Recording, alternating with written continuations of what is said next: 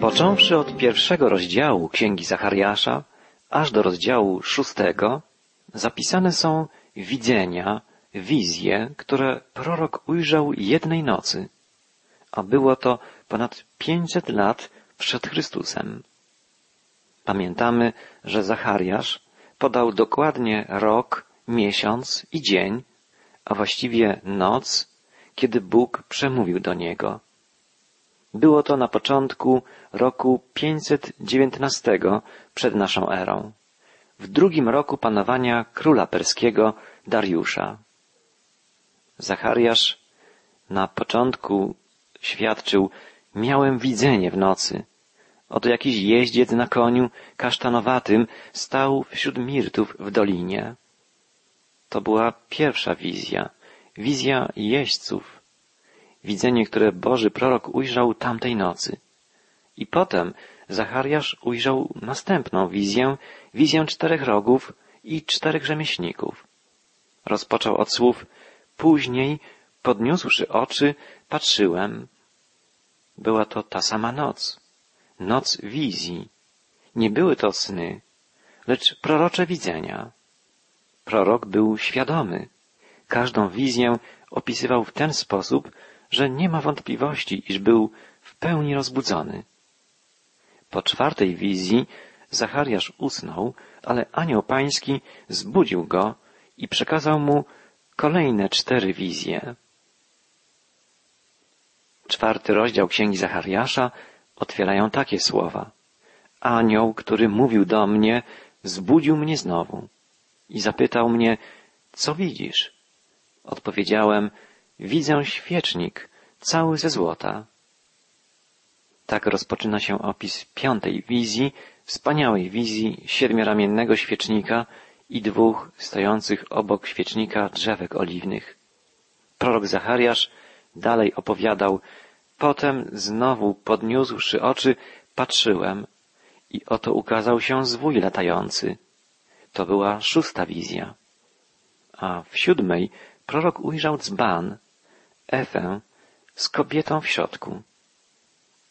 Kobieta symbolizowała bezbożność i zbliżanie się Bożego Sądu, jak wyjaśnił anioł. I w końcu tej samej nocy, niezwykłej nocy, prorok ujrzał ósmą, ostatnią wizję.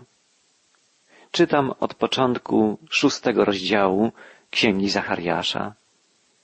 Potem znowu podniósłszy oczy, patrzyłem i oto zobaczyłem cztery rydwany wybiegające z pomiędzy dwóch gór, a góry były miedziane.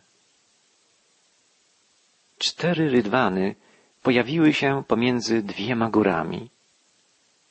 Przeważająca część komentatorów biblijnych jest zdania, że chodzi tu o dwie szczególne góry, u stóp których leży Jerozolima. Chodzi o górę Syjon i górę Oliwną. W wizji Zachariasza góry te wyglądały tak, jakby były zbudowane z miedzi, a właściwie z brązu. Tak dosłownie mówi tekst hebrajski. Brąz, stop miedzi i ołowiu jest jednym z najstarszych budulców osiągniętych z połączenia dwóch występujących w przyrodzie metali. Znany był już w najwcześniejszych cywilizacjach. Był bardzo popularny w starożytności. Z brązu zbudowany był ołtarz całopalny w świątyni izraelskiej. Brąz symbolizuje w Starym Testamencie najczęściej sąd, konieczność zapłaty za grzech. Wizja Zachariasza mówi więc o sądzie. Kogo dotyczy ów sąd? Część naukowców uważa, że cztery rydwany, które ujrzał Zachariasz, symbolizują cztery mocarstwa, cztery światowe imperia, znane nam między innymi z proroc Daniela i z opisów historycznych. W takiej interpretacji chodziłoby więc o sąd nad mocarstwami pogańskimi, które ciemiężyły Izraela, a więc Babilon, Medopersję, Grecję i Rzym. Wizja proroka Zachariasza odnosiłaby się w tym przypadku do przeszłości. Możliwa jest jednak też inna interpretacja i wydaje się, że jest ona bardziej prawdopodobna, iż wizja Zachariasza odnosi się do czasów ostatecznych. Zwraca uwagę fakt, że w Księdze Apokalipsy, w opisie wielkiego ucisku, poprzedzającego sąd ostateczny, występują czterej jeźdźcy, podobnie jak w wizji Zachariasza cztery rydwany zaprzężone w konie. Zachariasz opowiada. Pierwszy rydwan ciągnęły konie kasztanowate, drugi rydwan konie kare, białe konie rydwan trzeci i wreszcie czwarty konie srokate, czerwonawe. Maść koni ciągnących rydwany jest identyczna jak maść koni czterech jeźdźców apokalipsy. W szóstym rozdziale Księgi Objawienia świętego Jana czytamy I widziałem, a oto biały koń. Ten zaś, który siedział na nim, miał łuk, a dano mu koronę i wyruszył jako zwycięzca, by zwyciężać. Jeździec na białym koniu symbolizuje więc zwycięstwo. Pamiętamy, że białe konie występowały też w pierwszej wizji Zachariasza, gdzie w dolinie wśród mirtów prorok ujrzał konie kasztanowate, czerwonawe, białe i kare. W Apokalipsie Jana czytamy i wyszedł drugi koń barwy ognistej, a temu, który siedział na nim, dano moc zakłócić pokój na ziemi, tak by mieszkańcy jej zabijali się nawzajem. I dano mu wielki miecz. Koń ognisty, koń czerwonawy, to koń symbolizujący wojnę, walkę. Apokalipsa opisuje zakończenie wielkiego ucisku jako wojnę o zasięgu światowym. Trzeci jeździec Apokalipsy zasiadał na koniu karym, a czwarty na koniu siwym.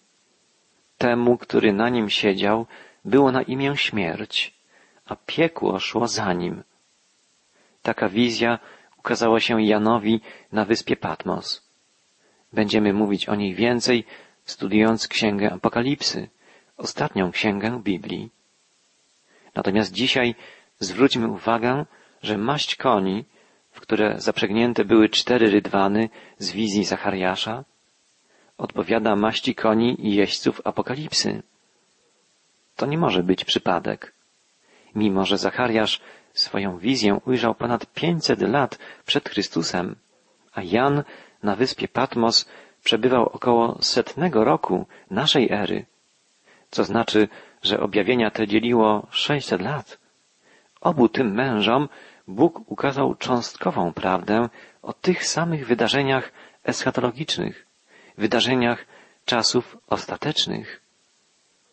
Bóg dokona sądu nad narodami i wypleni wszelkie zło. To główna, generalna prawda objawiona symbolicznie w wizjach obu proroków. Prorok Zachariasz tak dalej opowiada o wizji rydwanów. Anioła zaś, który mówił do mnie, tak zapytałem, co one oznaczają, panie mój? I dał mi taką odpowiedź. To wyruszają cztery wichry nieba, które się stawiły przed Panem całej ziemi. Rydwany zostają nazwane wichrami nieba. Możemy więc wnioskować, że ich woźnicami byli aniołowie. Istoty anielskie albo boskie moce, moce duchowe, to inne możliwe określenia owych bożych posłańców. Spójrzmy, jakie zadanie otrzymały te niezwykłe zaprzęgi. I dał mi taką odpowiedź. To wyruszają cztery wichry nieba, które się stawiły przed Panem całej ziemi. Kale rumaki popędzą na północ, za nimi białe wyruszą, a srokate popędzą na południe. Silne rumaki wychodziły, niecierpliwie rwąc się do biegu, by okrążyć ziemię. I rozkazał, ruszajcie i obiegnijcie ziemię wokoło. I popędziły na krańce ziemi. Konie białe i kare, czyli czarne, pobiegły na północ, a konie srokate, kasztanowate na południe. To były dwa kierunki, w których udawano się w drogę, wyruszając z Jerozolimy. Na zachód od Jerozolimy rozciąga się Morze Śródziemne. Na wschód znajdują się wielkie obszary pustynne. Każdy, kto drogą lądową wyruszał w świat, udawał się na południe lub na północ. Rydwany wyruszyły więc w drogę dookoła świata. Zachariasz usłyszał polecenie Pana. Ruszajcie i obiegnijcie ziemię wokoło. I popędziły na krańce ziemi. Zachariasz świadczy dalej. Zawołał do mnie, patrz na te, które pędzą w kierunku północnym. One sprawią, że duch mój spocznie w krainie północy. Kierunek północny był tradycyjnie uważany przez Izraelitów za tę stronę świata, z której zawsze zagrażało im niebezpieczeństwo. Także w zapowiedziach proroków odnoszących się do czasów ostatecznych znajdujemy zapowiedzi, że u kresu czasów lud Boży zostanie zaatakowany przez wroga z północy. Tu, w wizji Zachariasza, widzimy obraz zwycięstwa nad wrogiem z północy, a więc obraz zwycięstwa nad wszystkimi wrogami Pana. Duch mój spocznie w krainie północy. Te słowa pańskie słyszy Zachariasz i są to słowa zapewnienia o trwałym bezpieczeństwie, o trwałym pokoju. Po pokonaniu wszystkich wrogów ustanie gniew Pana, bo Jego gniew to zawsze sprawiedliwa, konieczna reakcja na obiektywne zło. Kiedy wszelkie zło zostanie usunięte, zapanuje pokój i manifestować się będzie Boża dobroć i Boża miłość. Trudno jest nam zrozumieć istotę Bożego gniewu.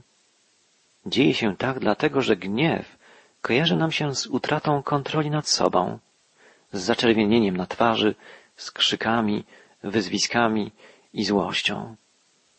Gniew Boży nigdy nie jest impulsywnym, nieroztropnym zachowaniem się, jak to często ma miejsce u ludzi. Gniew Boży nigdy nie jest czymś kapryśnym, moralnie niegodziwym. Jest to zawsze właściwa i konieczna reakcja na zło. Bóg gniewa się jedynie wtedy, gdy gniew ten jest konieczny. Nawet wśród ludzi istnieje coś takiego jak słuszne oburzenie, choć jest raczej rzadko spotykane. Jednak oburzenie Boga jest zawsze słuszne. Tak właśnie ukazuje nam gniew Pana, wizja Zachariasza, a także proroctwa innych mężów bożych. Bóg musi rozprawić się z wszelkim złem. Możemy tu postawić pytanie, czy Bóg, który by nie występował przeciwko złu w swoim świecie, mógłby być święty, moralnie czysty, sprawiedliwy? Oczywiście nie. Właśnie reakcja świętego Boga wobec zła jest jedyną przyczyną Jego słusznego gniewu. Gniew Boży w Biblii zawsze jest związany z osądzaniem zła.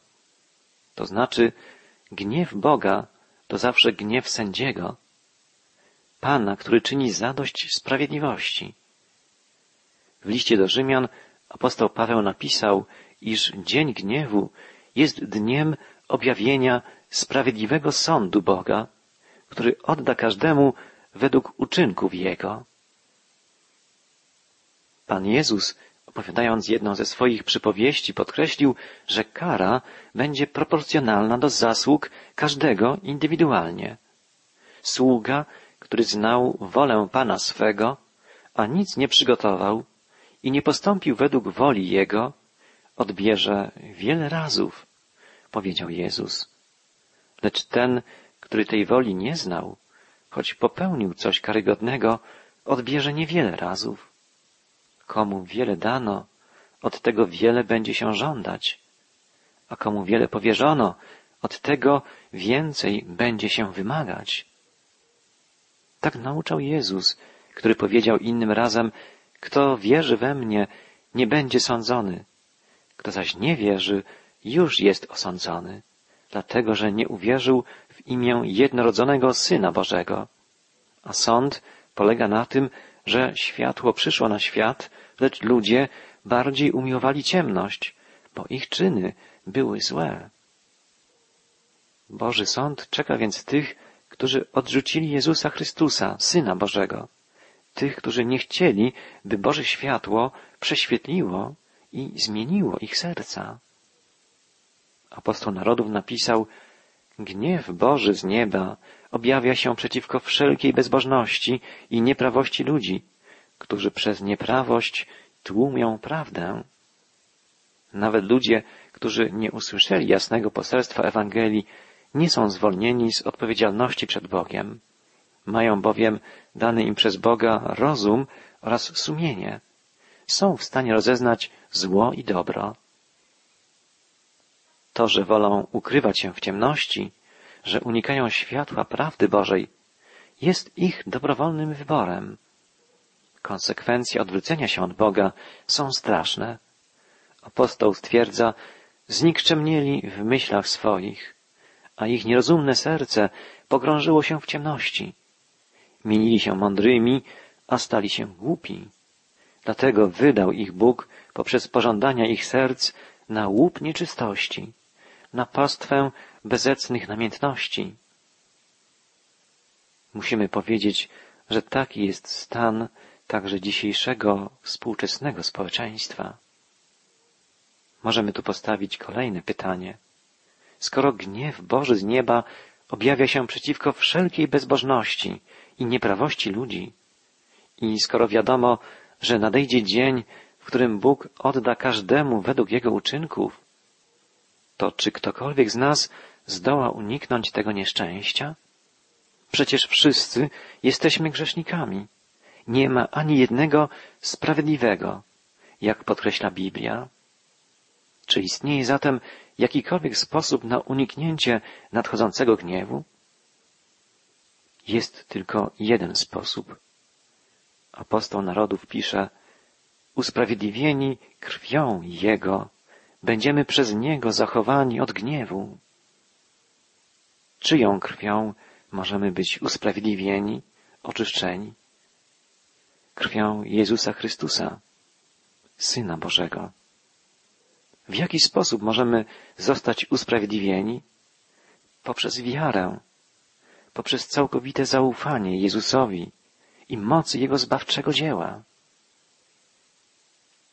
Drogi przyjacielu, to jest samo serce Ewangelii i jest to przejaw największej, najwspanialszej miłości Bożej.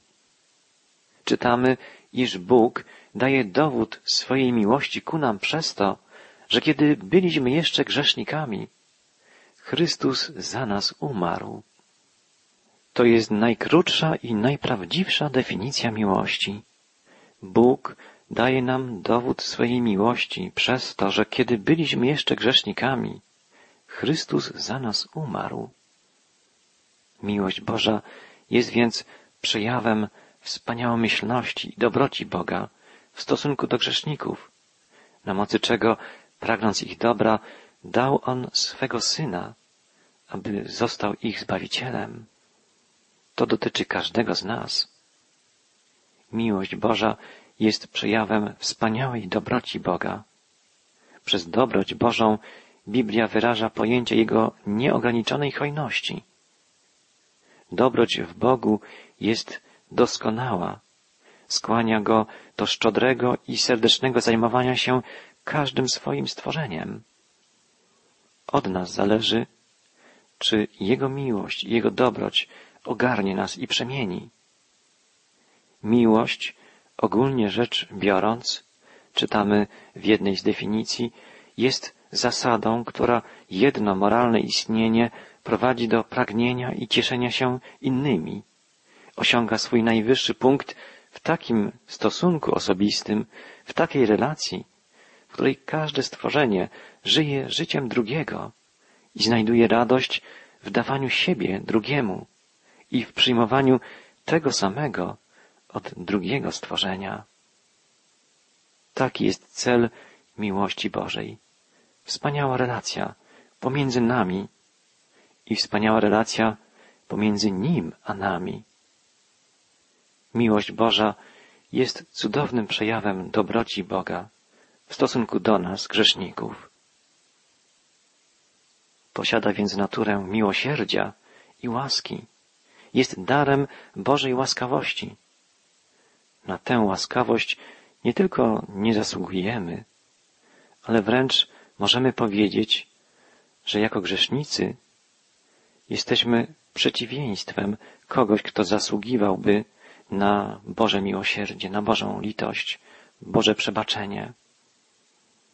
Jako grzesznicy złamaliśmy Boże prawo. Nasza natura jest dla Boga zepsuta i dlatego zasługujemy jedynie na potępienie i ostatecznie na usunięcie sprzed Jego oblicza. To zdumiewające, że Bóg miłuje grzeszników, ale taka jest biblijna prawda. Bóg miłuje stworzenia, które stały się niemiłe i można by dodać niegodne miłości. W obiektach Bożej miłości, czyli w nas, nie istnieje nic, co mogłoby spowodować jej powstanie. Między ludźmi miłość bywa wzbudzana przez coś, co znajduje się w osobie ukochanej, ale miłość Boża jest samodzielna, samoistna. Nie da się jej niczym wzbudzić albo wpłynąć na nią. Bóg miłuje ludzi, ponieważ tak postanowił. On umiłował nas, bo chciał nas umiłować. I nie można podać innego powodu Jego miłości, poza Jego własną, niezależną, dobrą wolą. Grecki i rzymski świat Nowego Testamentu nigdy nie marzyły nawet o takiej miłości. Bogom greckim i rzymskim pozwalano uganiać się za kobietami, ale nigdy za grzesznikami. Autorzy Nowego Testamentu dla wyrażenia miłości Bożej, pisząc w języku greckim, musieli więc wprowadzić nowe, bardzo rzadko używane słowo agape. Agape opisuje właśnie istotę Bożej miłości. Miłość Boża jest przejawem dobroci Boga w stosunku do poszczególnych grzeszników. Miłość Boża w stosunku do grzeszników została wyrażona przez dar Syna, aby był ich Zbawicielem. Miarą miłości jest to, jak wiele ona daje, a miarą miłości Boga jest dar Jego jedynego Syna, aby stał się człowiekiem i umarł za grzechy, stając się przez to pośrednikiem prowadzącym nas do Boga. Nic dziwnego, że apostoł Paweł nazwał miłość Boga tą, która przewyższa wszelkie zrozumienie. Czy istnieje jakakolwiek inna, porównywalna, kosztowna szczodrość? Jest to niezwykły dar. Jest gwarancją otrzymania wszystkich pozostałych dóbr. Apostoł narodów napisał, On, który nawet własnego syna nie oszczędził, ale go za nas wszystkich wydał, jakżeby nie miał z nim darować nam wszystkiego. Tak właśnie względem nas postępuje dobry, kochający nas Bóg. On jest pełen miłości. Daje nam to, co najlepsze. Daje nam siebie samego. Zgodnie z tym, co zapowiadali prorocy, jak nauczali apostołowie, uklęknijmy przed Nim z wdzięcznością i oddajmy Mu cześć i chwałę.